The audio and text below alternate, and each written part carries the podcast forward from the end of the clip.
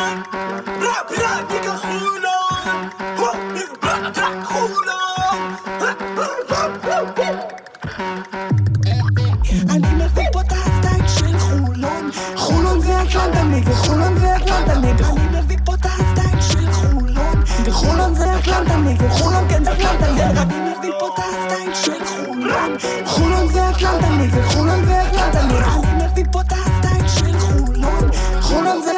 כן אטלנטה ניגה יום שני, ה-14 ביוני, אווירת פגרה באולפן, רוי כבר רכש כפכפי הוויאנס חדשות, סתיו טבוך הצטייד במצופים, יש לנו קיץ ארוך ופרק סופר מרתק היום, אז מה שנקרא, שלוש-ארבע ולעבודה. בואו נדבר קודם כל עם מי שאיתנו פה באולפן. אה, מה קורה, טבוך? איך בפגרה? אה, רק התחלנו אותה, מה אני אגיד לך? הכל בסדר? אתה מרגיש טוב איתנו? אני מרגיש מעולה, אני מזמין את כולם להיכנס לעמוד שלנו בפייסבוק, בטוויטר, לראות את הטורים שכתבנו, עשינו ידיעת ציונים, ידיעת אה, רגעי העונה. מאוד מעניין, ממליץ לכם לקרוא. ממש המחנך סתיו טבוך, אה, אוקיי, וכמו שפרסמנו אתמול, ממש בהקפצת בזק, כתב ישראל היום יעקב מאיר, איזה כיף שאתה כאן איתנו, מה העניינים? בסדר, בסדר גמור, הכבוד שלי. אז זה נהיה פה, פה זה זה- המקום שכולם חייבים לעבור בו. זה נהיה הרגל, היית איתנו בזום, האליפות- עוברת ב- בחולון. היית איתנו בזום, בטלפון, והפעם סוף סוף עשינו איזה באמת closure נחמד משלנו, מה? לא ככה? כן. כן, מעולה. טוב, אה, תראו, יש לנו פרק, אה, חתיכת פרק, כי הרבה זמן לא הקלטנו, היה פלייאוף עמוס, ולא היה זמן להקליט, כי כל יום היה משחק, אז אחרי שאנחנו אחרי הפלייאוף, בטח לא עם הסגל שחולון קיוותה לסיים איתו את העונה, הקבוצה נעצרת בחצי הגמר לאח- לאחר הפסד אה, 2.5-0 לגלבוע גליל. אה, בואו נדבר קצת כדורסל, יעקב, איך היו הסדרות? זהו, קודם כל, נראה לי שאם אתה מדבר על עומס בפלייאוף הזה, לחולון היה עונה שלמה של פלייאוף. אה, תסביר. כל, כל שבוע היה איזה שניים, שלושה משחקים לפחות, משחקים יום אחרי יום, כמה זה נגמר? 65 משחקים? אני לא ספרתי כזה. כבר. משהו כזה, כי אלי שר ספר את זה, אני לא זוכר את המספר המדויק, אבל משהו כזה. וכדורסל טבוך, קצת אה, קח אותנו לסדרות עצמה, מה, מה, מה ראית שם? קודם כל, כמו שאמרת, לא הגענו ל- לפלייאוף במצב הכי אידיאלי. איבדנו שניים השחקנים הכי בולטים מהעונה, ואני חושב שגם היו בכושר הכי טוב ב- ברגע הנתון הזה, זה טיירוס מגי ואייזאה מיילס. טיירוס מגי בגלל פציעה, אה, אייזאה מיילס עזב אותנו בגלל המבצע. אה, באמת ראינו ירידה ביכולת. אפרופו ירידה ביכולת, אה, יש ירידה ביכולת במספרים, ואני רוצה שתיקח אותי רגע למקום הזה, אם היית צריך לבחור עכשיו מי היה יותר חסר בסדרות, מיילס או מגי, מה, איזה שם היית לוקח פה? זו באמת שאלה קשה, כי מצד אחד בסדרה נגד נס ציונה זה הרגיש כאילו אין ל- לאריס בכלל תמיכה בקו, בקו האחורי. ואז הגיע גלבוע גליל והרגשת שבקו הקדמי אין לך מי שישים גוף. ואייזאה מיילס, ככל שהעונה התקדמה, הוא השתפר באספקט הזה. גם ברמה של להוציא את פלויד או בלקשיר מהצבע, מיילס. עומד על הקשת. ומה שהכי חס... היה חסר לי. בסדרה נגד נס ציונה, זה שבכל הכניסות, בכל הכוח של uh, סלדן ומילר, שמיילס לא עומד שם בצבע וסוחט עבירת תוקף. שם זה היה חסר לי. זה החלק של... אה, זה יעקב, מי היה יותר חסר? מגי? מיילס? אני חושב שמגי, כי אנחנו ראינו גם שאריס היה באיזושהי ירידה, נכון שעכשיו הוא פתאום, כש, כשמגי עזב אז הוא... הוא היה פלייאוף נכון, חבל אז על הזמן. נכון, אז הוא העלה את עצמו, אבל עדיין, עם שני שחקנים כאלה, אם אריס היה מעלה את הרמה שלו ומגי היה נשאר, שני שחקנים כאלה, זה היה, היה הרבה יותר קטלני. אני גם חושב שאם מגי, אז גם השחקנים, גם השחקנים הגבוהים, שסיסטינה שירידה, ודזהו בכלל שזה שנעלם לגמרי, ו, ואולי גם אלכסנדר שהגיע, היו, היו יותר טובים אם הגיע ליד. לכן אני חושב שמבחינתי מגיע יותר חסר משהו. אני גם חושב כמו יעקב, אני חושב שמגי זה באמת חלק ש... וגם פשוט- יש פה עוד משהו, אבל סליחה, שלהגנות, להגנות היה יותר קל, בטח. אתה נפל על אריס וראינו שהוא כבר לא, הוא כבר לא עמד על נכון. הרגליים, לא, יכל- לא, לא. לא נשם. אם מגיע, ההגנות היו, אתה מבין גם, זה היה פותח לכולם את ה... היה פותח לסיסטינה יותר זריקות פנויות, היה פותח לדזהו יותר, יותר סלים קלים בצבע. אני חייב לציין שבאמת, מהרגע שמגי כ- כביכול עזב, לא כביכול, אה, פתאום למדתי להעריך אותו עוד יותר. כש, כשאתה מאבד משהו, אתה לומד להעריך אותו אחרי זה. זה בדיוק המצב הזה. איזה משורר אתה, איזה פואטי. וואו, וואו, תודה. ורגע, אה, עוד, עוד אחד, עוד כן. נתון ששמתי לב, לפני שאתה עובר ל... ל לא נושא הבא, אבל לחלק ב' של הנושא הזה, זה המשחק האחרון מול, מול גלבוע. שהיה שם נתון מאוד חריג, אה, היה שם את המדד הכי נמוך שלנו העונה, 49 נ- מד- נקודות מדד, שבכל העונה בליגת העל, המשחק שהכי היה קרוב לזה זה 62. בגלל שאתה איש של מספרים, אתה תבדוק אותי אחרי מה שאני אומר עכשיו, אבל לדעתי בלקשיר ופלויד במדד עוברים את כל חולון. אני אבדוק את זה עכשיו. תבדוק את זה. אה, אז- וזה מחבר אותנו לג'ו אלכסנדר. וזה מחבר אותנו באמת לנושא הבא שזה ג'ו אלכסנדר. אה, שאלנו את עצמנו האם לאורך כל הפלייאוף הביאו את אלכסנדר, האם השתמשו בו מספיק יעקב? לא השתמשו בו מספיק. דיברתם על גוף לפלויד ולבלקשיר, גם גוף ב- בנס ציונה, למיאנסי וכל החבטות שהם מביאים שם. היו יכולים לשחק בו יותר. אני לא אומר שהיה צריך לשחק הרבה יותר. להפוך פתאום לאיזה שחקן מרכזי, כי אני... כי דדס פעם דיבר על זה באחד, באחת מהמסיבות עיתונאים, והוא אמר שכשאלכסנדר עולה, השטף הקבוצתי הוא פחות. אז אני מסכים עם נכון. זה, אבל עדיין היה יכול לשחק יותר, בטח לזה שזה הוא לא, לא, לא אני, פגע. אני רוצה לחדד את מה שיעקב אמר, ואני לוקח אותנו רגע שבועיים אחורה לפרק שרועי דבורה עלה אה, לפני הפלייאוף, ואני שאלתי אותו מה יהיה עם דדס ועם אה, אלכסנדר ביחד. אז קודם כל הם לא רבו, והם התחבקו הרבה, ונראה כאילו הם מסתדרים מצוין, ואלכסנדר מכבד את ההחלטות שלו. אבל עדיין העובדה שדדס לא תופס מאלכסנדר, לדעתי פגעה קצת ב, ב, ב, גם בפלייאוף, אני אגיד, גם אגיד למה. אלכסנדר הגיע לכאן, הגיע לחולון, מאוד מחויב. הוא הגיע הפעם ב- בסיבוב הזה, מאוד מאוד מחויב. ראיתי את זה שהוא עלה למגרש במשחק הראשון, ראשון, ראשון, שמר, הוא בא- גם להוכיח. וחסם, הוא ומשחק בא- מספר הוא 2 היה בנס צריך את זה ציונה. גם בשביל עצמו. זהו, הוא הגיע מאוד מחויב. וככל שהזמן עבר, וככל שהוא קיבל פחות ופחות דקות, אז ראית במשחק האחרון בגלי, בגנר, אה, אני מדבר על המשחק האחרון האחרון כמובן, אה, אז אמנם בהתקפה הוא היה טוב כי הוא קיבל את הכדורים, אבל ברמה ההגנתית הוא כבר, זה כבר מבחינתו היה כבר פסה, הגנה. אני חושב שזה ההתחלה שלו בקדנציה המאוד מאוד קצרה הזאת, זה מה שהוביל את היכולת. אתה לא אני- חושב ככה? אני? אתייחס למה שאתה אומר, ואני לא חושב שדדס לא מחזיק מהיכולות ההתקפיות של, אה, של ג'ו אלכסנדר. הוא פשוט לא מתאים. הוא נתפס לך על תוך, הצ- לצבע, לא יוצא מה- מהצבע. הוא לא עומד על השלשה, הוא לא יכול למסור פנימה. אין לו את הגיוון ההתקפי הזה מלבד אחד על אחד, ונגמרה ההתקפה. ואתה רואה שזה פחות עובד. סתם נניח, דיברנו על מדד קודם. בשני המשחקים הכי טובים של ג'ו אלכסנדר ב- בתקופה הקצרה שהוא היה פה, שזה הפועל חיפה במחזור האחרון של העונה, וגלבוע גליל במשחק האחרון של העונה, זה המדד הכי נמוך שלנו עונה בליגת העל. בשני המשחקים האלה. וזה אומר הרבה. כן, זה מה שדרס אומר, שהקבוצה הייתה פחות טובה, אבל עדיין, אתה נמצא בסיטואציה שאתה לוקח מה שיש לך. נכון. גם מה שיש לך, לא, ברור, הוא היה צריך לשחק יותר, אם...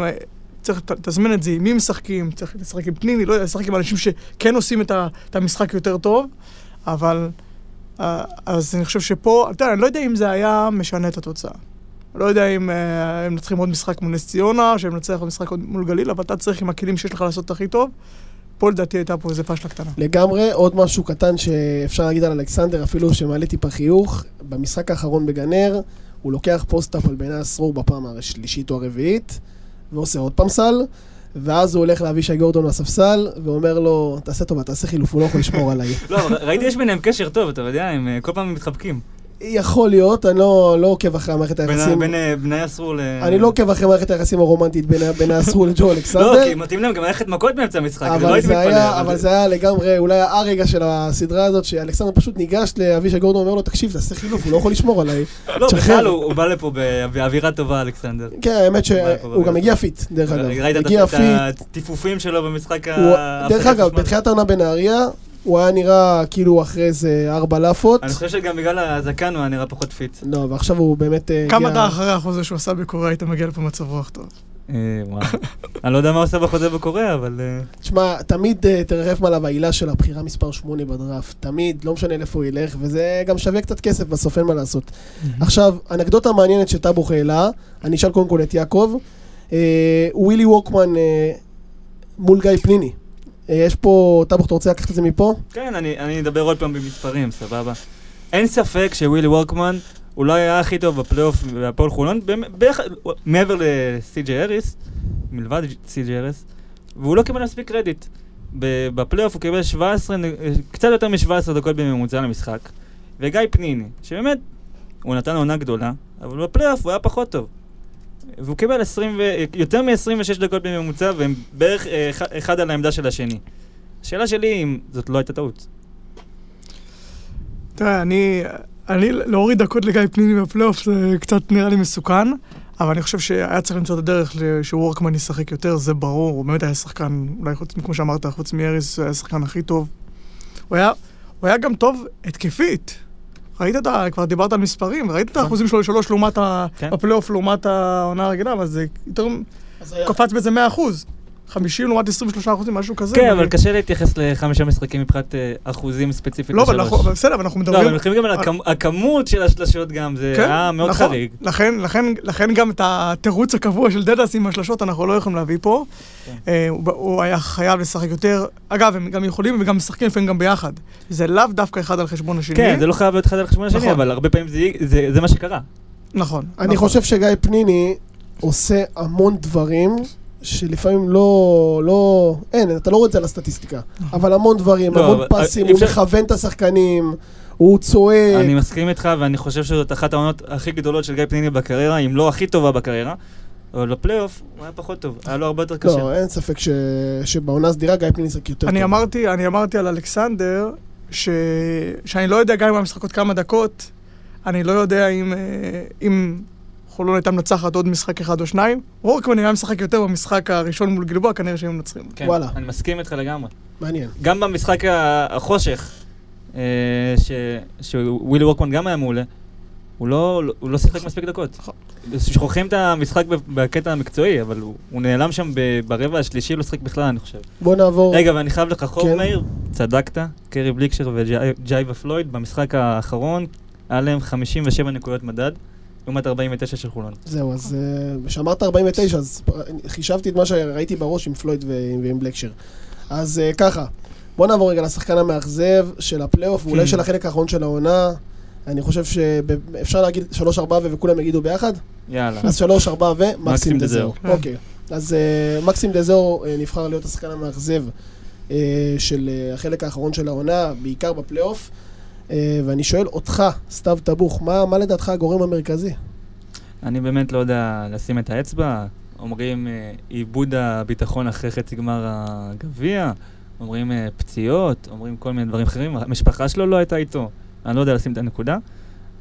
אבל פשוט אין, אין ספק שזה לא המקסימום דיזרו שראינו מלפני הגביע, וחבל. יעקב, זה ירידה ביכולת או שפשוט היינו כחולמים בהתחלה? מקסים דזהו לאורך כל הקריירה, פותח את העונה טוב, ויש לו ירידה גדולה בחלק השני של העונה. וואלה. אה, בדוק. טבוך, שיעורי בית. שיעורי אני- בית. אני מרגיש פדיחה גדולה.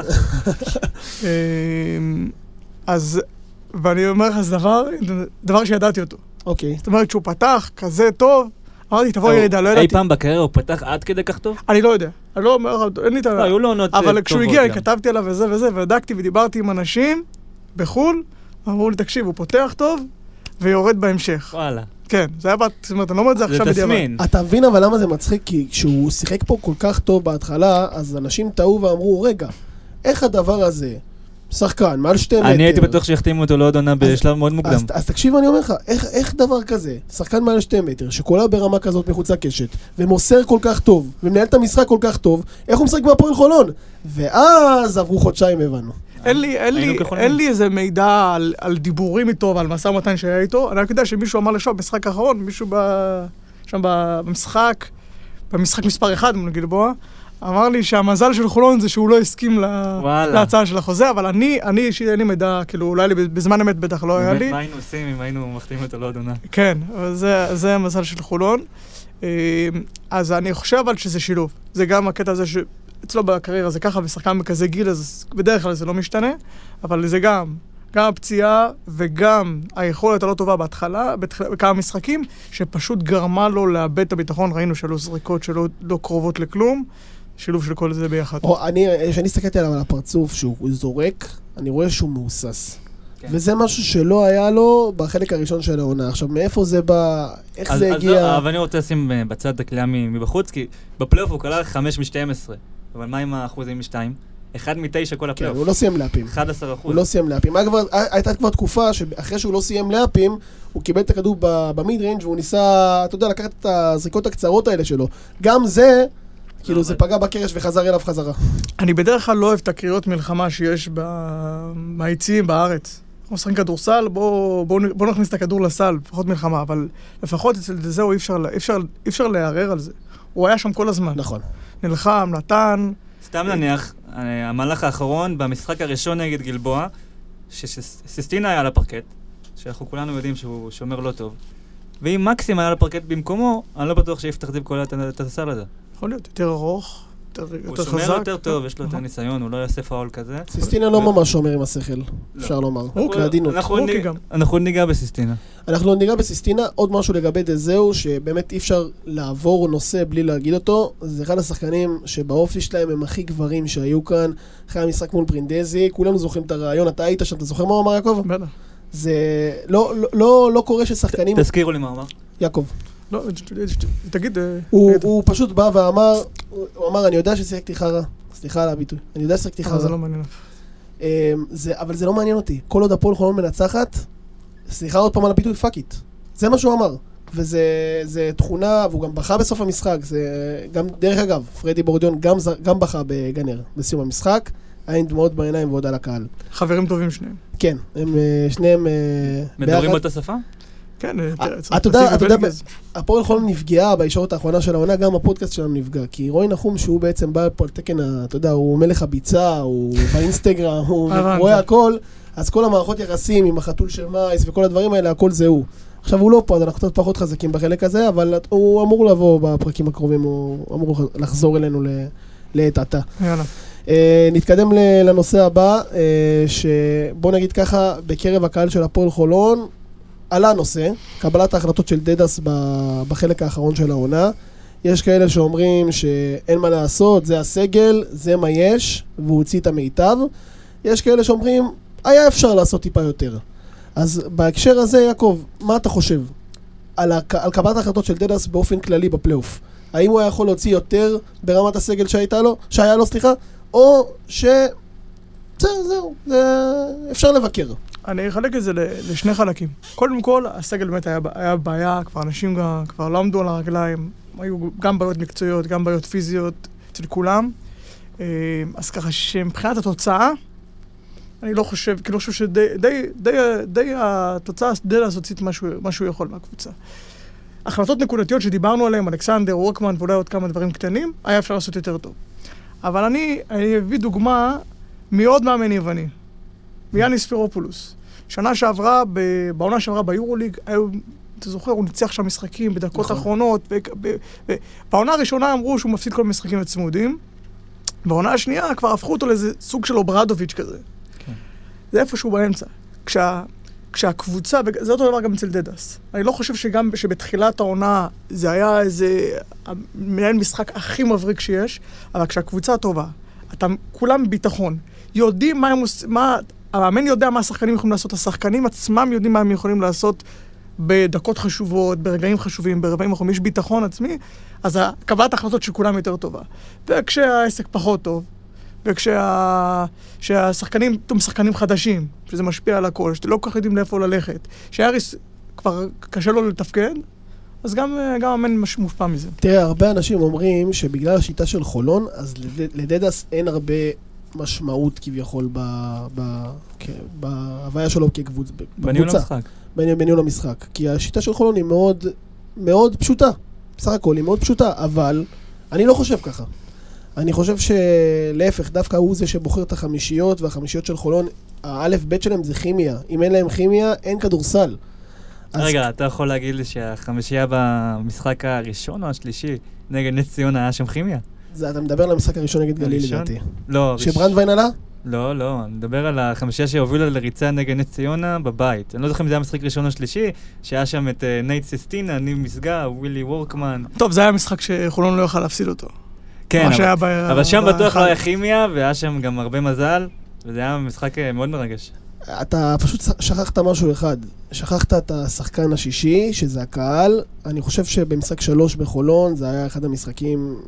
אני לא זכור לי הרבה זמן אווירה אווירה, כזאת במשחק כדורסל. אני, אני מסכים מה שאמרת, אני לא, לא אוהב את זה שאומרים שוואלה, השיטה כזו פשוטה וזה, ולא, אין לו, אין לו כל כך אה, השפעה. קודם כל, הוא, בזכותו זה ככה. נכון. הוא בחר את השחקנים, הוא הרכיב את השיטה, ובכדורסל, למעט מקרים חריגים, למאמן יש השפעה גדולה מאוד. גדולה מאוד על החמישיות, על החילופים, על, הקבל... על התגובות למה שהקבוצה השנייה עושה. אז אני חושב שיש לדדס המון המון השפעה. גם, גם בחלק הראשון של העונה וגם בחלק השני. גם כל הזמן אנחנו שומעים בשידורים, שאומר בדיוק לא, איפה להעמיד את השחקנים. אפשר להגיד גם שהם צריכים לדעת את זה מהאימונים, אבל במשחק עצמו הוא מאוד אקטיבי, וברור שיש לו השפעה. שהוא כמעט, ו- כמעט כל התקפה מסדר את התרגיל. נכון. ומאיר, עצרתי אותך קודם, אז אני אתן לך להמשיך. אתה עצרת אותי? אני כבר לא זוכר. אנחנו מדברים פה כל כך הרבה, אני כבר לא. זוכר את זה. אבל אה, באמת, אה, בוא נתקדם רגע לאיר- לאירועי גנר. אה, יעקב, קודם כל, בתור עיתונאי, איך זה היה לחוות את כל האירוע הזה? אתה גם נכחת במשחק, אה, לפי מה כן. שראיתי בטוויטר? כן. אז איך- הרגיש? תראה, היה... בדרך כלל, אתה יודע, בכדורגל אוהבים להגיד על הכדורסל חוג. Mm. בדרך כלל אני ככה עומד ואני מגן על הענף שלנו. פעם לא היה לי הרבה מה להגיד. זה מה שהכי הפריע לי. זה היה, זה היה, זה היה מביך. קודם כל, זה שהגנרטור לא עבד, ואיך אמר, אמר שם מישהו מהאולם? שלוש שנים לא טיפלו בו. אני לא יודע. אני לא... אבל ככה, ככה מישהו. זה, אז זה בעיה. זה בעיה רצינית, וכבר על זה... אגב, נכנסים לענייני תקנון.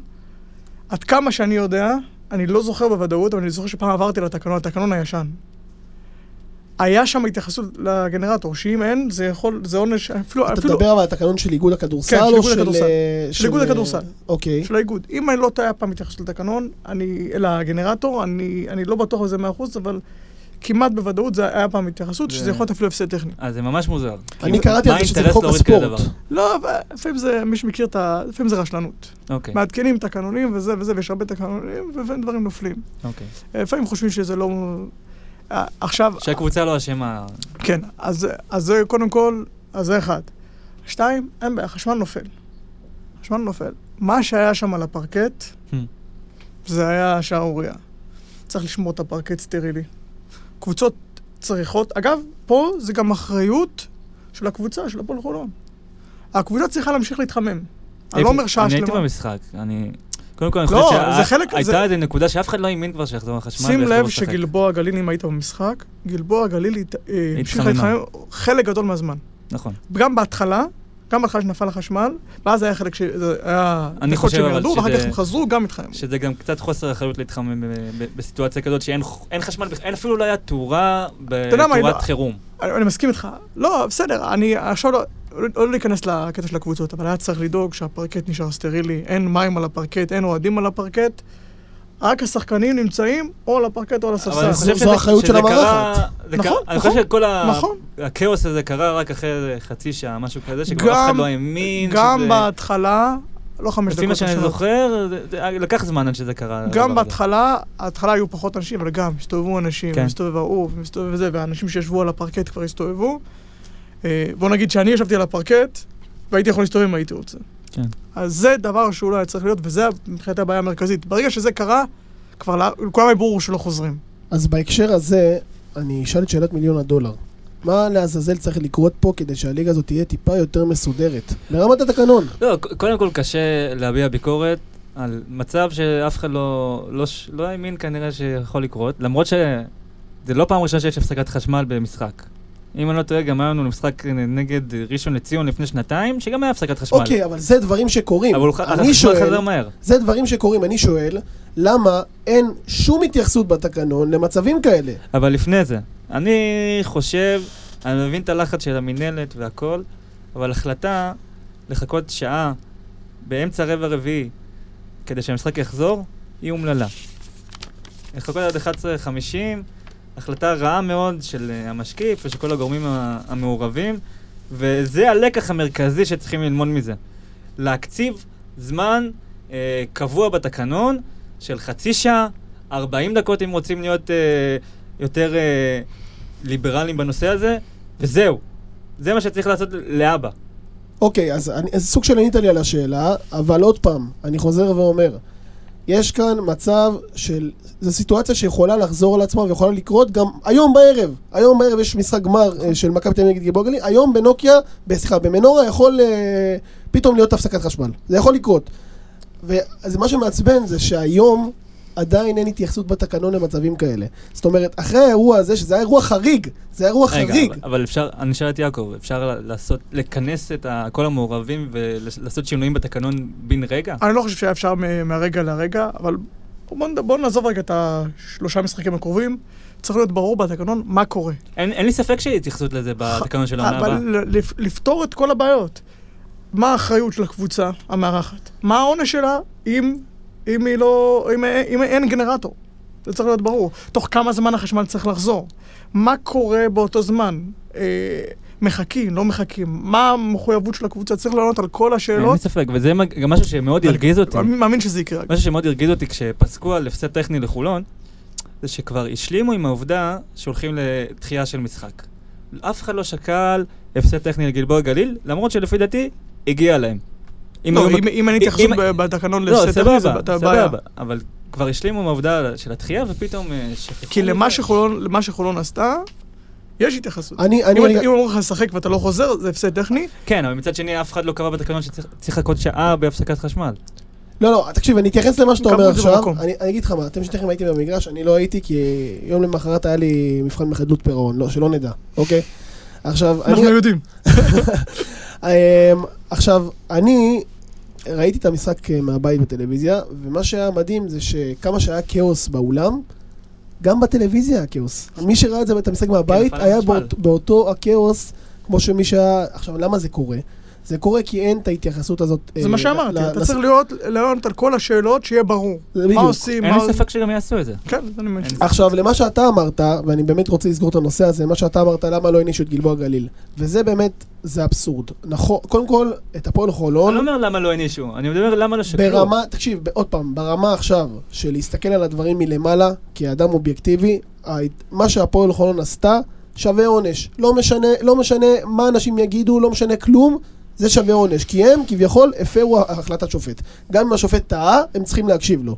אבל, התובע של האיגוד, וזה גם אמרו את זה בסוף, בסוף של דבר ב- ב- בעליון של, ב- בבית הדין העליון, שלגלבוע גליל היה פה אשם תורם, ולא קטן. ובגלל זה ביטלו את העונש. נכון. ואומנם הגדילו את הקנס, אבל ביטלו את העונש. ההחלטה בסופו של דבר הייתה נכונה, הגיעה קצת באיחור, ואנחנו כולם מברכים עליה.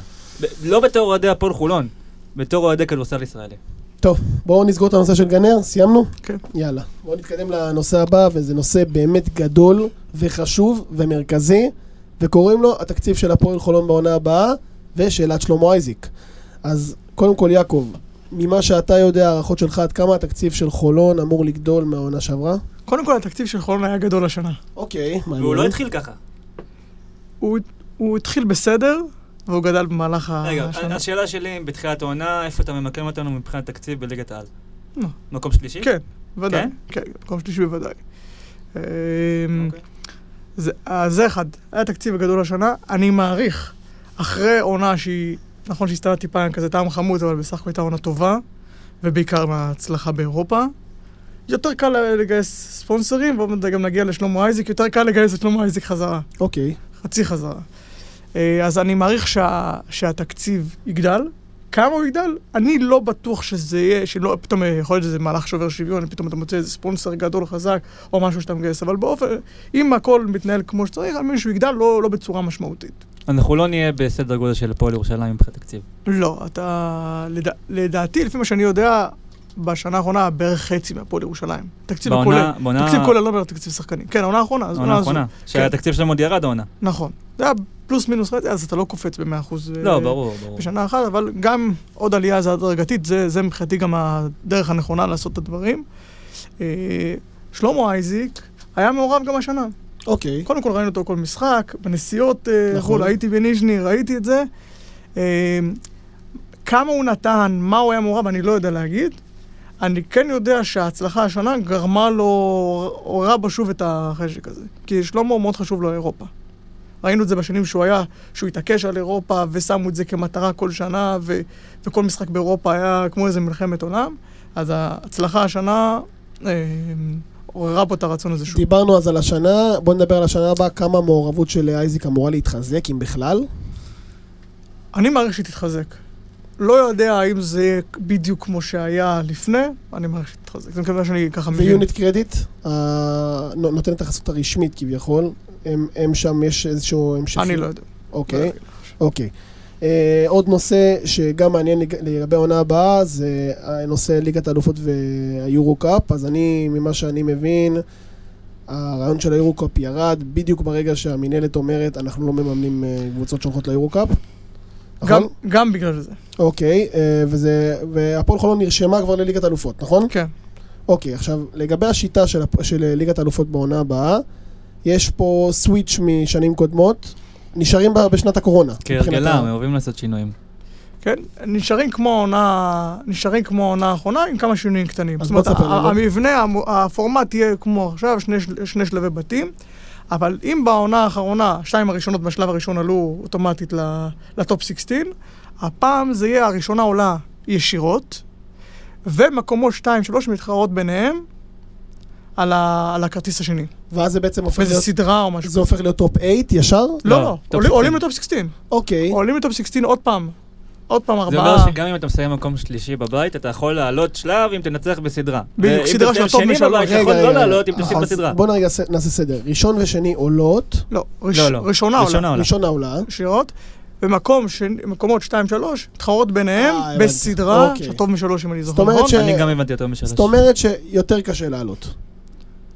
זה תלוי. למה? זה- זה tricky, למה? עד עכשיו מקום. שלישי, מקום שלישי לא היה לך סיכוי לעלות, אתה לא היית עולה. יש לך מקום שלישי, בוא נגיד. המלחמת עולם הראשונה של העונה תגיע בשלב יותר מוקדם. אוקיי. סדרה באמצע העונה אה, על עלייה לטופ 16. זה מה שהם, זה אחת המטרות שלהם, רצו לעשות שאנחנו מקווים. אפילו להימנע ממנה אם נסיים ראשונים כמו העונה החולפת. עכשיו שאלה שמעניינת אותי. ואז רגע, מה- מה Top 16, אוקיי. מקומות 1-2 עולות ל- לשלב רבע גמר, שהפעם יהיה סדרה. אה, זה כבר לא- זה כבר זה- לא Final 8. הארבע הראשונות מול הארבע השניות, זאת אומרת, זה הגרלה, או אני לא זוכר אם זה הגרלה או שיהיה הצלבה, אתה יודע, בית כזה, בית כזה, בית אחר שאנחנו, שכבר נדע את זה לפני זה, אבל זה מקומות אחד, אה, מקומות, המקומות הראשונים מול המקומות השניים, ואז עולים לפיינל 4, שהפעם, בשונה מראש. אמור להיקבע מראש, המערכת אמורה להיקבע מראש. כנראה זה יהיה במלאגה לפי מה שהבנתי. סיכויים טובים לספרד ממה שאומרים לי בספרד, אבל אני... אני הבנתי, יכול- במלאגה, לא יודע מה יונתן שולדברנד יעשה בעונה הבאה, אם ישחק או לא, אבל אפשר להגיד לו דש שם. אה, נמסור לו דש. לא סתם ניז'ני נובגורוד עברה לפני כמה, מהיורו-קאפ לפני שנתיים, שלוש, כמה זה. אה, יש שם כמה הבטחות. מלאגה ב- צריך לדעת שהתקציב שלהם ירד משמעותית. אוקיי. הם. היו השנה בעונה איפה הם ביחס מאוד. לבורגוס? הם ירדו, אה, מלאגה לפי מה שאני יודע ירדו השנה ב-30 אחוזים. התקציב. אני לא יודע איפה זה ביחס לבורגוס, ובורגוס יש להם, הם, הם הולכים ומתעצמים, עשיתי להם כתבה ב, כן. ב, בפיינל 8, הם הולכים ומתעצמים, התקציב שלהם אמור לעלות לעומת העונה שעברה, איך זה ביחס למלאגה אני לא יודע להגיד. אז עוד שאלה אחרונה בהקשר של אה, ליגת האלופות של פיבה. אה, יעקב, אחרי העונה הזאת, זה ממש שאלה שככה עולה לי תוך כדי השיחה.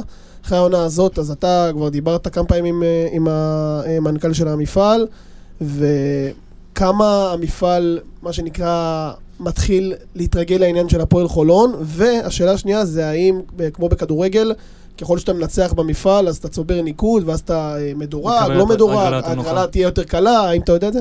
קודם, קודם כל, התרגלו. אוקיי. לא, הפועל חולון היום זה חברה קבועה, חברה אבל מה זה אומר התרגלו? אם נסיים אה, מקום חמישי, וקבוצות מעלינו יעדיפו לשחק בליגת אלופות, עדיין יתרגלו אלינו? כמו שעכשיו עם הפועל ירושלים, מה קורה עם הפועל שהם, שלהם? שהם עכשיו, זאת אומרת, אני מעריך שהם ישחקו בשלב הבתים, כי רוצים אותם, אז אני, אני עדיין, עדיין לא יודע אם הפועל חולון ממש באותו מצב, אבל זה בדרך לשם. זאת אומרת, יהיה היום, יש היום אינטרס לליגת אלופות, שאם צריך, אני לא אומר שאתה מסיים עכשיו מחוץ לשמינייה, אבל אם זה עוד, צריך, צריך לפתוח עוד כרטיס או משהו כזה, כי יש להם.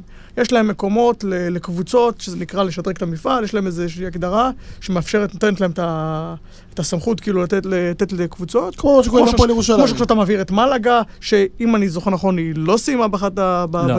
אז הם אה, מעבירים אני חושב שהיו אותם. מחוץ לפלייאוף. נכון, כן, כן, מחוץ. מקום, אז אה, הם מעבירים. אותם, אז יש, אז אני מעריך שהפועל חולון בדרך לשם. לגבי מה שאמרת עם ה... רגע, והפועל ירושלים אה, לא שוקלת אפילו את היורו-קאפ? קודם כל, הרישום לאירופה כבר נסגר. היורו-קאפ נסגר. נסגר, נסגר ביום שישי גם האחרון, גם הם. נועלים את זה לשלוש שנים לפי מה שהבנתי. כן, אז זהו, אז זה צריך להבין שפועל יורוקאפ יש להם כל מיני שריונים, אבל כמה שאני יודע, הרישום, הרישום, הדדליין להגשת מסמכים ואף ליורוקאפ, קבוצה ישראלית לא אף הגישה. קבוצה ישראלית. אוקיי.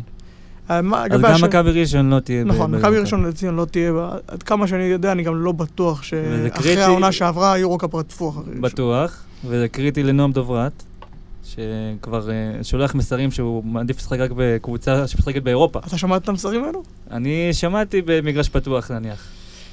הוא מאוד רוצה לשחק באירופה, הוא כמו, בטח ברמה של טאלנט, של טאלנט כזה, אני, אני לא יודע אם זה כזה ממשי כמו, ש... כמו שאומרים. ולשאלת ה... אני לא יודע, אני לא יודע לגבי אז ה... אין, אם זה- אה, משהו כזה. זה...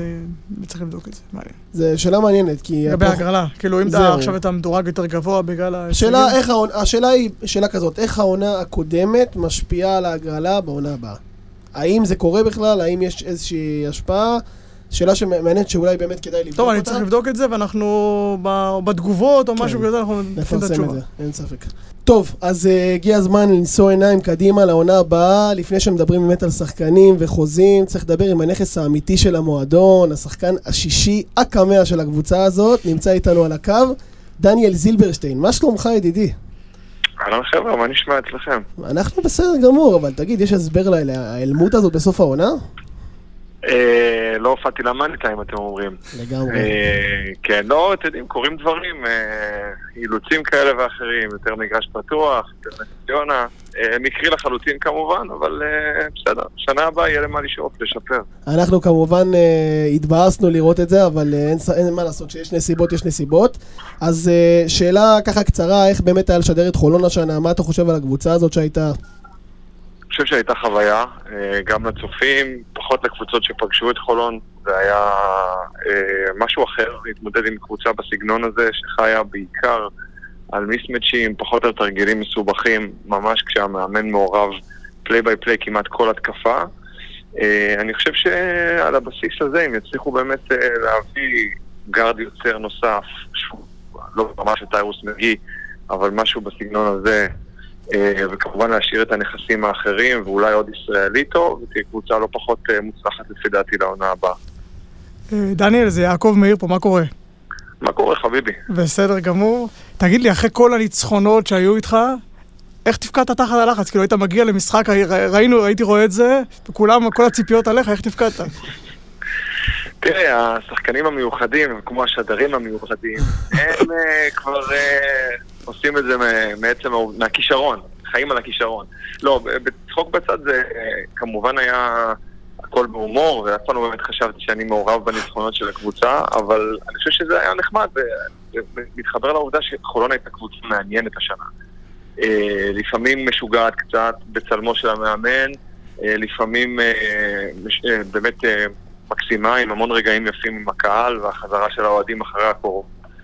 אה, ולי היה הכבוד והעונג להיות חלק מהדבר הזה. אני חושב ש...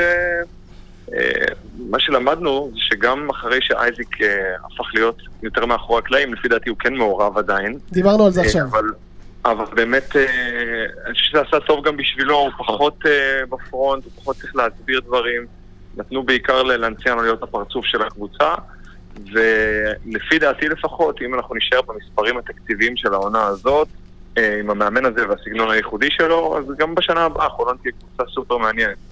אה, דניאל, תגיד, אתה זוכר את המאזן שלך עם חולון השנה? אני חושב שזה לא יותר משלושה הפסדים, אולי שניים. זה אירופה לפרוטוקול בלבד, המשחק האחרון בשלב הבתים אה, נגד הטורקים, לפני ה Top 16, לפני הרבע גמר, סליחה.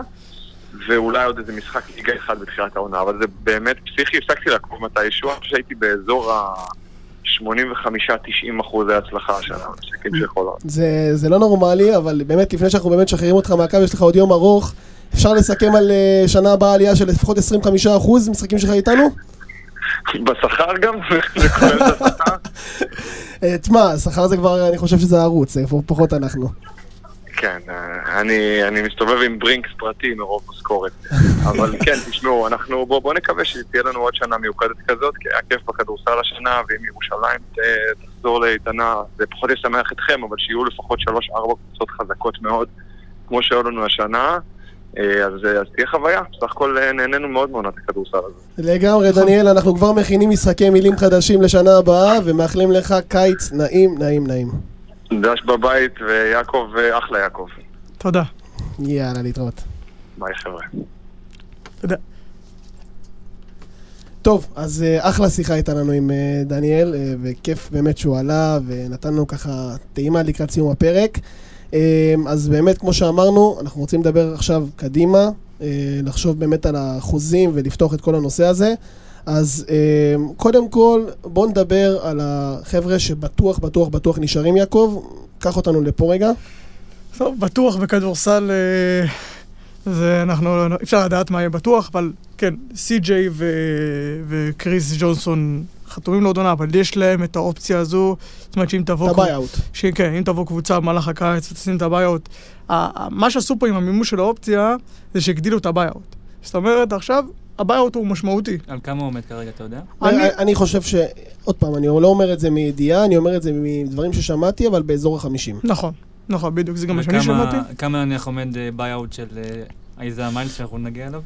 הרבה הרבה פחות, פחות מ-30% מזה לפי מה שאני יודע, מישהו בסביבות ה-15-20, ככה אני, ככה זה מה שאני שומע. אה, אז הרבה יותר קשה להוציא אותם. אני מעריך שקריס, קריס אני מעריך שיישאר. סי.ג'י זה סיפור, סי.ג'י באמת נתן השנה, היה כמה משחקים של, אתה יודע, של- זה היה של ב top, top Champions League, top, top EuroCup. בקלות יכול- יכולה להגיע איזה קבוצה טורקית, לשים את ה-50 אלף דולר האלה, וזהו. זה דבר שיכול לקרות, אבל, לדעתי אחרי שמימשו את האופציה וזה, הוא גם לא ילך לכל הצעה. זאת אומרת, הוא מרגיש פה טוב, כן. ו... והשכר שלו השתדרג, אני לא יודע לכמה, אז, אז, אה, אז הוא לא ילך לכל הצעה, זה משהו אחד שעשו. פניני בטוח, פניני יישאר, כל השאר שאלה טובה. אבל תראה, אבל כל- צריך גם קודם כל לה- להבין שאם עכשיו קבוצה תבוא ותשים 50 אלף דולר על סי.ג'י אריס, אז הקבוצ... אני מעריך שהפועל חולון פשוט תיקח את ה-50 אלף האלה ותביא שחקן. בשכר יותר גבוה. נכון. זה, זה נכון. בדיוק הרעיון של הארכת החוזה באמצע העונה. צריך לומר את האמת לגבי סי.ג'י אריס, אני לא יודע אם תהיה קבוצה ב- באירופה שהיא קבוצה גדולה עם כסף, שתסתכל על שחקן חמישיית העונה ב- ב-BCL ותגיד, אוקיי, אמ, אנחנו לא מוכנים לשלם 50 אלף דולר, לצורך העניין. אני חושב שזה, שזה כן אה, משהו שאפשר לעשות, בכדורגל למשל, שזה, נכון, כדורגל זה לא כדורסל, אנחנו רואים שמשלמים סכומי עתק על שחקנים שרוצים. אנחנו גם רואים בכדורסל שהרבה פעמים שחקנים, הם אלה שמשלמים את ה buy-out כדי לשחק נכון. בקבוצה יותר טובה. נכון, וזה גם נגיד מה שקורה, אה, לפי מה שאני מבין מהמקרה של אייזאה מיילס, שהוא, הוא, הוא, יש לו buy-out עכשיו אחרי שחולון מממשת את האופציה, והוא כביכול משלם את הבעיות כדי להשתדרג. כן, עכשיו אם היה היה אצל מיילס 50 אלף, אז זה יכול להיות שהוא כבר היה חושב אה, זהו, יכול להיות. ש... בדיוק, יכול להיות היה ש... אומר, אם קבוצה משלמת, טוב, אם לא, אני, אני לבד קשה לי לשלם כזה סכום. לגבי קריס ג'ונסון, אז כמו שיעקב אומר, זה רקורד של פציעות וזה גיל, ויכול להיות שגם טוב לו פה. יכול להיות שטוב לו פה ושהוא מבסוט, אה, אני לא יודע מה, מה יהיה לגבי השניים האלה. בואו נתקדם רגע לגבי ווילי וורקמן, אני מבין שיש אופציה לעונה הבאה, אבל זה לא, עדיין לא, לא סוכם בכלל. נכון, יש אופציה. אה, ווילי, מי שמכיר, יודע שהוא אוהב לקחת את הזמן, זאת אומרת, אוהב לסיים את העונה, ואז לקבל את ההחלטות, לראות מה, לראות מה יש. אנחנו יודעים שמכבי חיפה הוא נשאר כמה עונות, למרות שהיו לו כל מיני הצעות, גם כשהם ירדו לליגה לאומית, כי היה- לו טוב שם והרגיש טוב. כמה שאני יודע, הוא מרגיש טוב בחולון, הייתה עונה טובה, גם אישית הייתה לו עונה טובה. אם אני צריך אפשר להעריך... לומר עונה טובה בקריירה? כן, כן, כן. לפי דעתי כן. אה, אז אני, אם אני צריך להעריך, אה, סיכוי טוב שהוא יישאר. שאלה לגבי ווילי וורקמן, אנחנו שמענו שההורים שלו עברו לגור בארץ, נכון. עשו עלייה. נכון. הוא מתכנן עכשיו להמריא לארה"ב או כבר להישאר פה? אתה יודע? מה, למה, למה, ל... מה, בקיץ כאילו? בקיץ, בקיץ הזה? אה, סתם. למה... לא, סתם, מעניין אותי, אם אתה יודע. אני, אני, לא, אני לא יודע מה, מה התכנון שלו לקיץ, אבל שוב, הוא פה, והוא ישחק שנה הבאה באחת הקבוצות הבכירות ב... זה תראה, אין ספק. אני גם לא רואה הרבה קבוצות בישראל שיבואו וכאילו ייתנו לו משהו יותר טוב ממה שחולון יכול להציע. כן, לגמרי. פרדיק בורדיון? פרדי בורדיון אוהב את הפועל חולון, הפועל חולון אוהב את בורדיון, צריך לראות גם את הסיפור עם ההומגרון ב- בליגת כן. אלופות, שזה סיפ, זה, זה סיפור מורכב. כי- בואו רק נס- נ- נסבר את האוזן, להסביר בדיוק מה זה אומר. אה, שצריך חמישה שחקנים לפחות בטופס רשומים שהם ילידי... אם יש לך שישה זרים, אז אתה צריך חמישה... חמישה, כן. שילידי המדינה שאתה מייצג. נכון, חמישה הומגרון, בדיוק. כן. בדיוק. אז לכן זה קצת בעיה עם ה... כי אני מניח שגם שנה הבאה יהיו שישה זרים. או, זה גם מעניין. יהיו שישה זרים, זה מה אז שאני זה יודע. כבר אומר שיש לנו שישה זרים ועוד חמישה הומגרון, יש לנו 11 שחקנים, יש מקום למתאזרח אחד. רגע, ופה, אני- ופה עולה השאלה.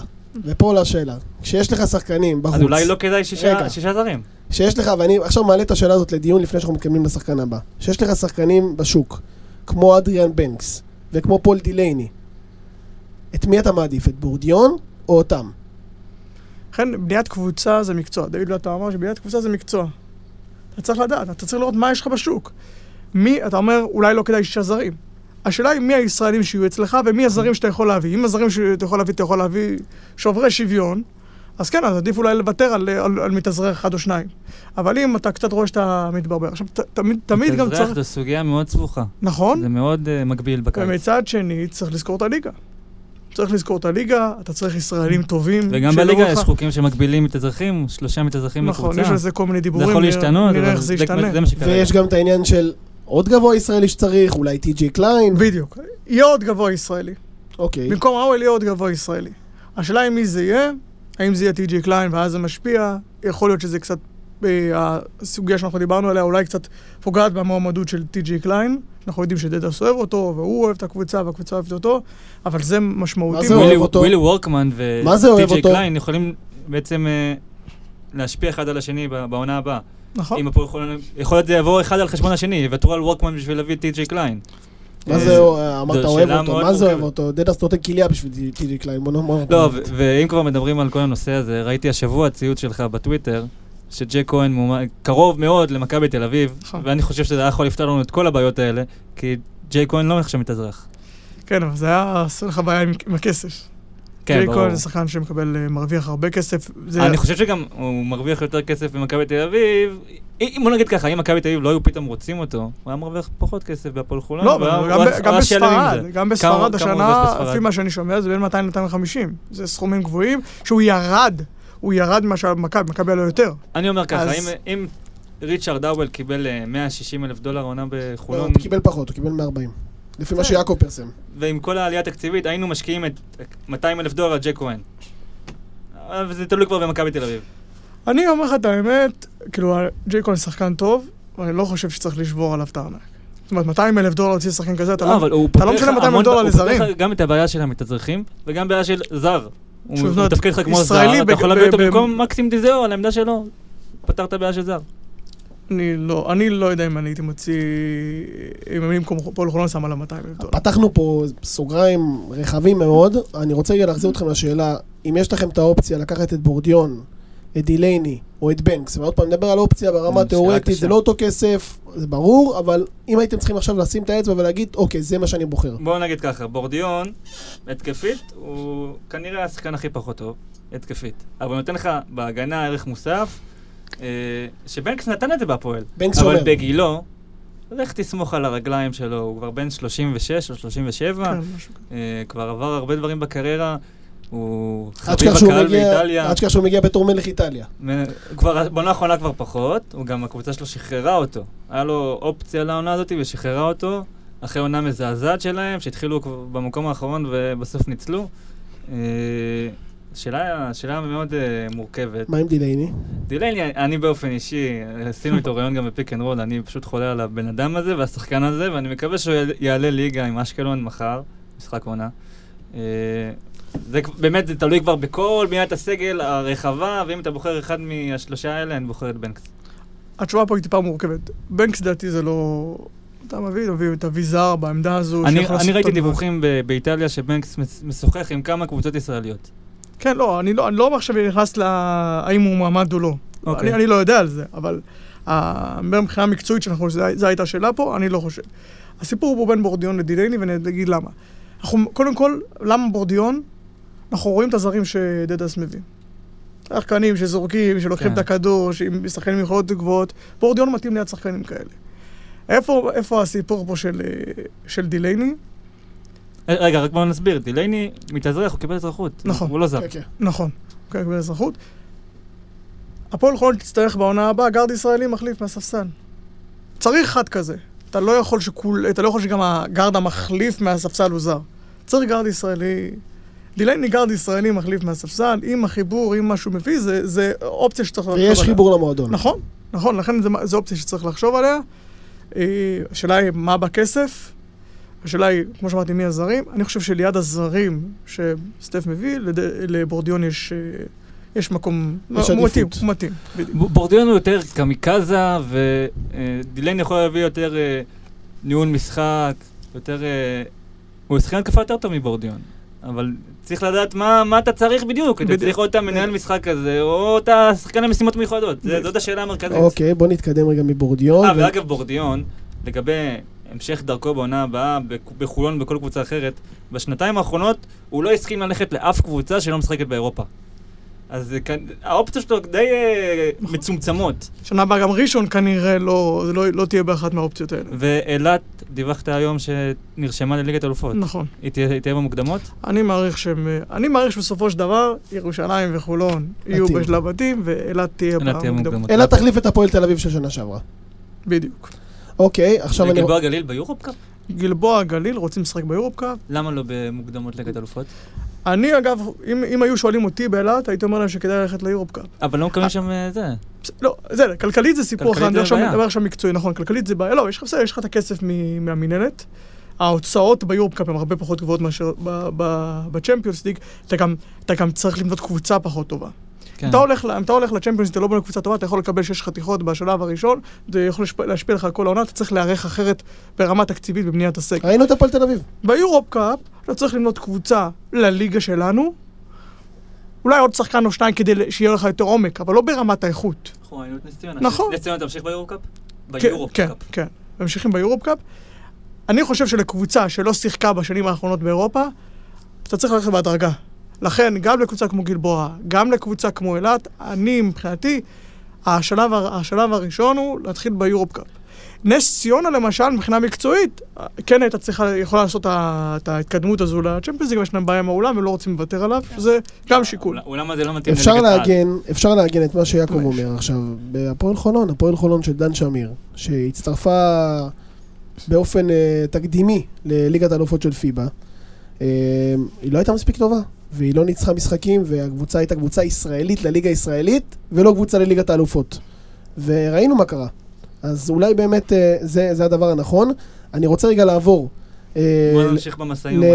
לעוד שחקן שאני באחד הפרקים פה אמרתי עליו שאם הייתה לי בת אה, הייתי מחתן אותה איתו. הכי גבר בארץ, טיירוס מגי. מה הסיכוי שאיכשהו, אה, איכשהו הבן אדם הזה נשאר בהפועל חולון? סיכוי לא גבוה. סיכוי לא גבוה. אה, לדעתי, לפי מה שאני מבין, הוא מושך התעניינות בקבוצות באמת... אה, ביורוליג? לא. לא, אני לא יודע על יורוליג. אני קראתי חימקי. קראתי, לא תהיה יורוליג. גם מעניין. כן, נכון. אז זהו, זה הידיעה הזו על חימקי, ששבועיים אחר כך אתה מבין שהם מתפרקים, אז אני... חימקי זה... אני לא מטיל ספק ב- אני לא מאחל לאף. שחקן להיות בחימקי. כן, כן. אז לא אני... לא מבחינת מזג אוויר ולא מבחינת כסף. שלא יגיע אליך בח- בחיים כנראה. נכון, אז אני לא יודע לגבי יורוליג, אני יודע על כן קבוצות יורו-קאפ וכאלה דברים. אמ, אז לכן אני, לכן קשה לי לראות. אגב, הפעם האחרונה ששמעתי כזה משפט, הייתי מחתן אותו, זה רמי אדר על טיילור ברון. ש... שהוא אמר שאם אה. הייתי יכול, הייתי מחתן אותו עם הבת שלי. שמע, טיילור ברון בסוף נשאר- בישראל, אבל יש לו איזה מטרה כלשהי. אולי רמי אדר יש לו איזה ילדה, לא יודע. וואו, ילדה הוא אבודה. נשאר גם מעבר למכבי חיפה. זה מה שאני הוא עשה אומר. עוד משחק אחד עם אשדוד. זה מה לא שאני אומר. אז טיירוס מגיע, אתה אומר, לסיכוי לא גבוה. כן. מה עוד נשאר לנו, ניב משגב? ניב משגב, עד לפני כמה שבועות הייתי בטוח שהוא המשיך. אבל היו יותר מדי משחקים שהוא לא קיבל הזדמנות. אני מעריך שתהיה לזה השפעה על שני הצדדים. גם על דדס וגם על השחקן עצמו. אוקיי, אלכסנדר מן הסתם לא ימשיך. כן, לפי מה שאני מבין הוא לא ממשיך. סוקולובסקי כבר סיכם. נכון. חוזר לאיטליה, בטרוויזו, חוזה גבוה, קבוצה שהוא הצליח בה בוא השנה. נפתח, אה, תראה איך פתאום אה, הראש שלו יקפוץ, ססטינה.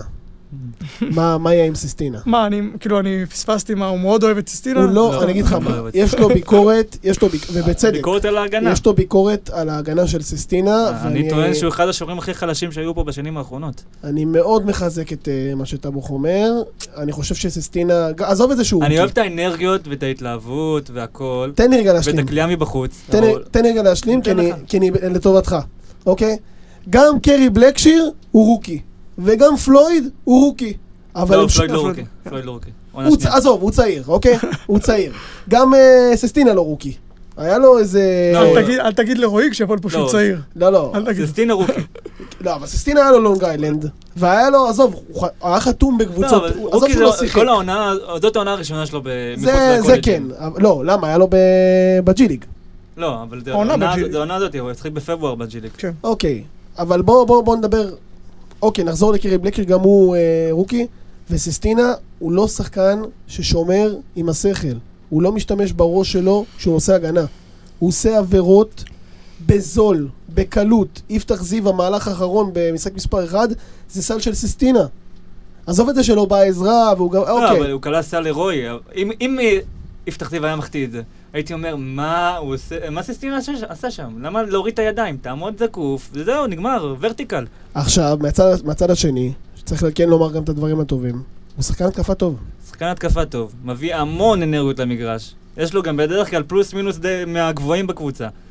אבל, אה, זה פשוט, אה, זה, זה עבור- עבירות זולות. השאלה אם. כזר שישי, והוא לא, לא מבין, מעבר לעבירות, גם ברוטציות ודברים כאלה, אני רואה הרבה מאוד פדיחות שלו. אז, אז רגע, כזר שישי, אוקיי?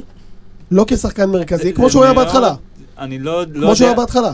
הבניית קבוצה זה באמת כמו שיעקב אמר, איך קראת לזה? מקצוע. מקצוע. מקצוע. אנחנו עוד רחוקים משם, אנחנו לא, לא יודעים בכלל מה, מה, מה הכיוון. רגע, שנייה. אני רוצה רגע להחזיר אותך אחורה. סיסטינה עכשיו בפלייאוף, הוא שיחק בתפקיד שלא יועד- יעדו לו לשחק כשהביאו אותו. אני הוא לא... היה, בא- רגע, הוא בוא- היה שחקן מרכזי, שהוא לא היה אמור להיות שחקן מרכזי. השאלה אם כזר שישי, בתחילת העונה הבאה, זה שחקן ששווה להשאיר. אני רק שאלה. למה שנייט ססטינה יישאר כזר שישי, עם כל הכבוד להפועל חולון?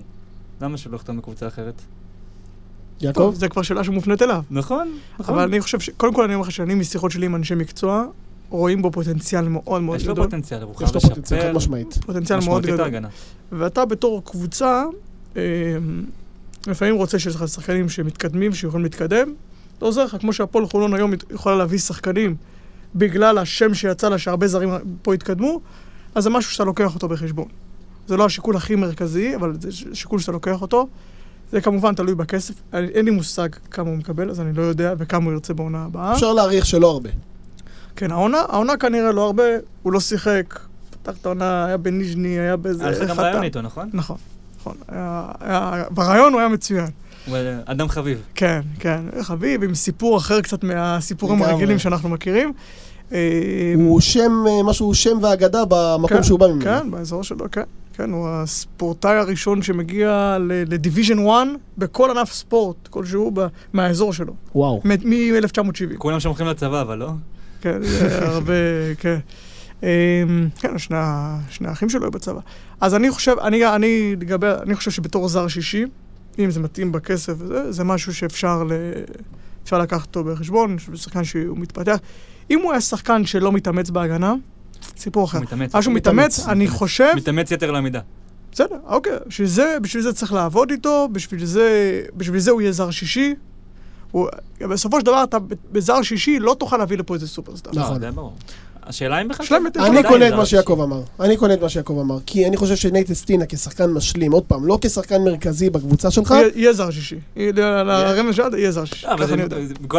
בוא נדבר על זה רגע, בוא נדבר על זה רגע, כי זה חלק בפרק שרוי רוי נחום מאוד מאוד ישמח אה, לה- להאזין לו, מאזיננו רוי נחום. מה מה הסיפור עם זר שישי? למה אתה חושב שבאמת יהיה פה שישה זרים?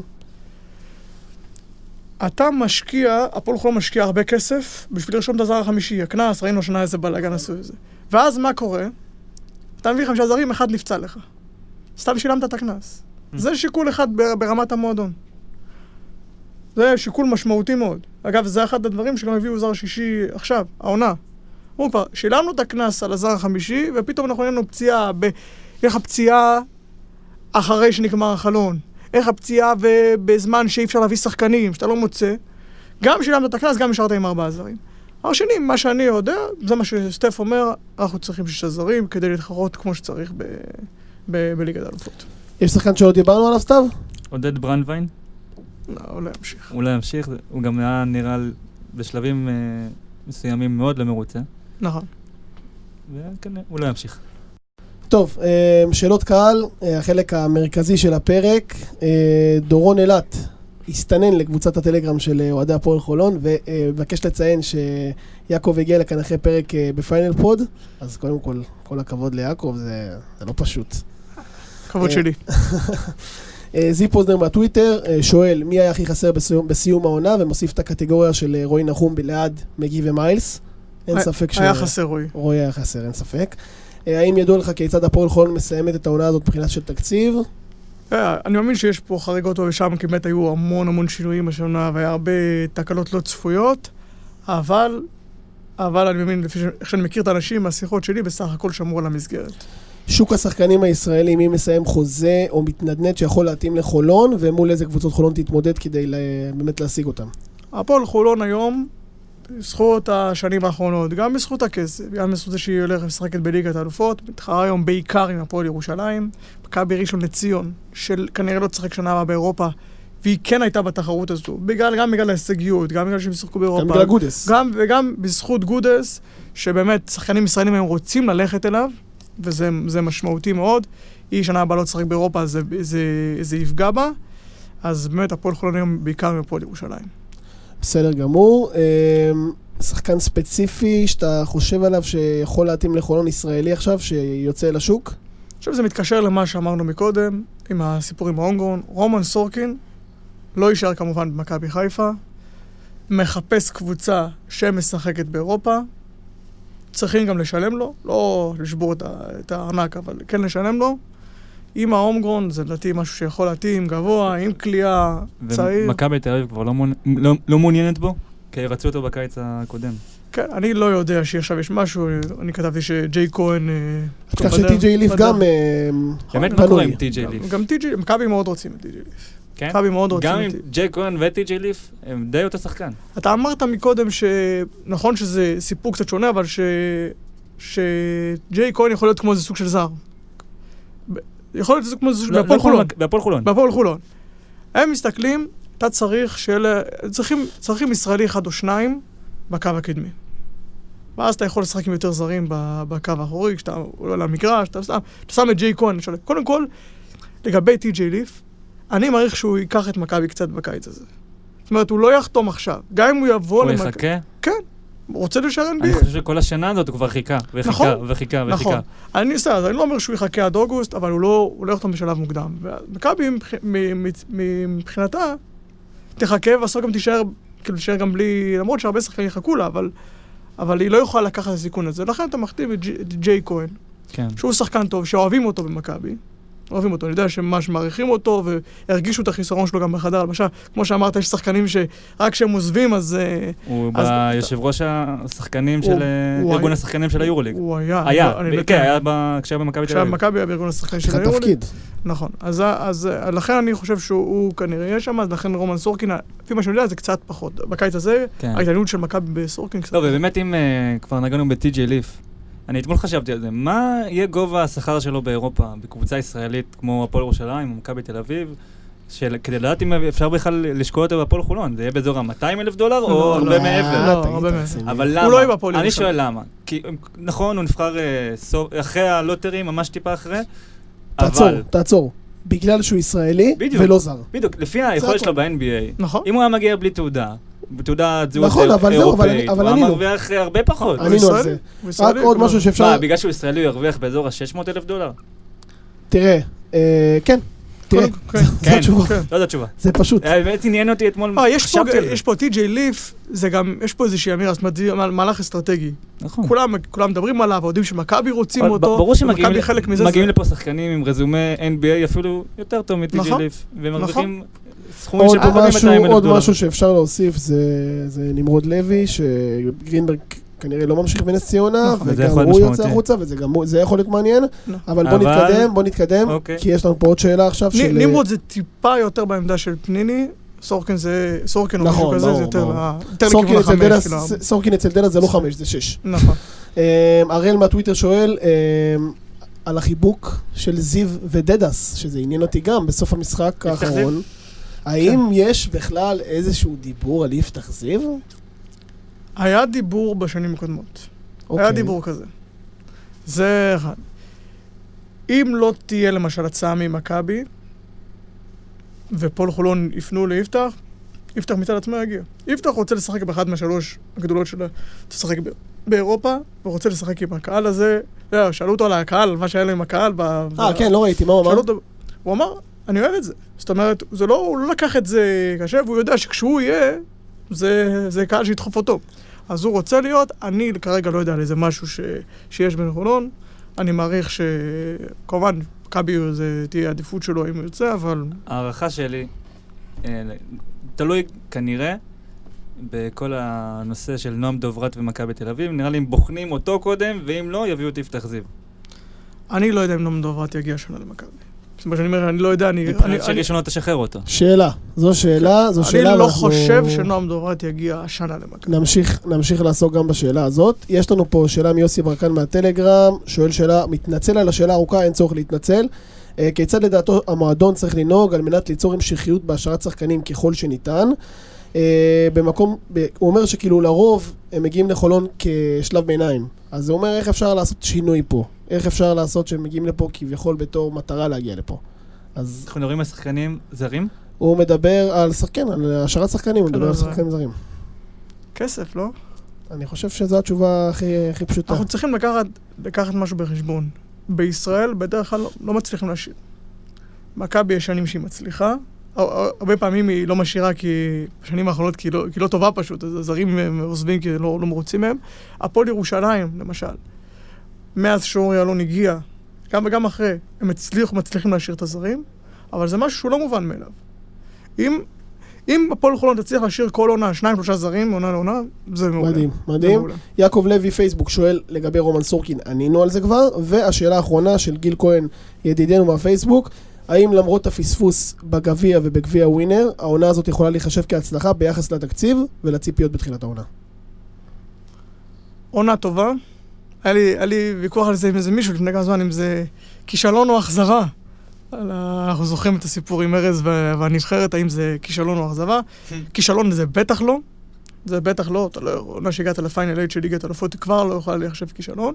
כן, יש אכזבה שלא סיימת אפילו עם גמר פלייאוף. גם אם מגיע- מגיע לגמר ומפסיד למכבי זה לא נורא. אני חושב שיש איזה טעם של אכזבה, אבל בסך הכל אני מסתכל, מסתכל על העונה הזו, היא הצלחה. כולנו מרוצים.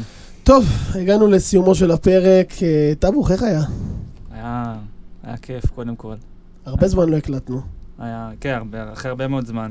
ואנחנו נקליט גם נראה לי שבוע הבא, לא? אז זהו, ששבוע הבא... אנחנו אוהבים את הטיזינג הזה. כן, אתה הבטחת- הבא, בוא- לי עורך מערוץ הספורט שעדיין לא היה פה. בוא נגיד ששבוע הבא אנחנו לקראת, אנחנו עוד לא סיכמנו עונה- הרי, עכשיו באמת אה, סיכמנו את כל אירועי הפלייאוף, דיברנו קצת על החוזים לגבי העונה הבאה עם יעקב. בוא נדבר על זה ששבוע הבא יש פרק סיכום עונה חגיגי במיוחד. ואני אני לא אוסיף. אני לא אוסיף, בהמשך השבוע אנחנו נפרסם. יעקב, קודם כל תודה רבה שהגעת, איך היה לך? היה מעולה. היה פרק מעולה. ניתחנו, דיברנו. היית צריך להגיע לאולפן אחרי, תשמע, אנחנו כבר שנה מקליטים, וכל פעם זה או טלפון או זום, ואמרנו, טוב, סיכום עונה חייב, סיכום, סיכום פלייאוף. אמרת שזה אה, לא אה, סיכום עונה. לשם של הפרק קוראים זה לא סיכום עונה, עם סימן קריאה. אז היינו צריכים אה, באמת את אה, לא- הפרק, להוסיף אה, סימן קריאה בזה? חייב. אוקיי. אה, אז זה הכל, אה, היה אחלה פרק, תודה רבה לכל מי שהאזין, יאללה, חולוניה, קיץ נעים. חולון זה הסטייל, חולון זה דיבור, חולון זה אחוז שרמוטה וואלה אני מכור. חולון זה הסטייל, חולון זה דיבור, חולון זה אחוז שרמוטה וואלה אני מכור. אני מביא פה את הסטייל של חולון. חולון זה אטלנטה נגד חולון זה אטלנטה נגד אני מביא פה את הסטייל של חולון. חולון זה חולון כן אטלנטה נגד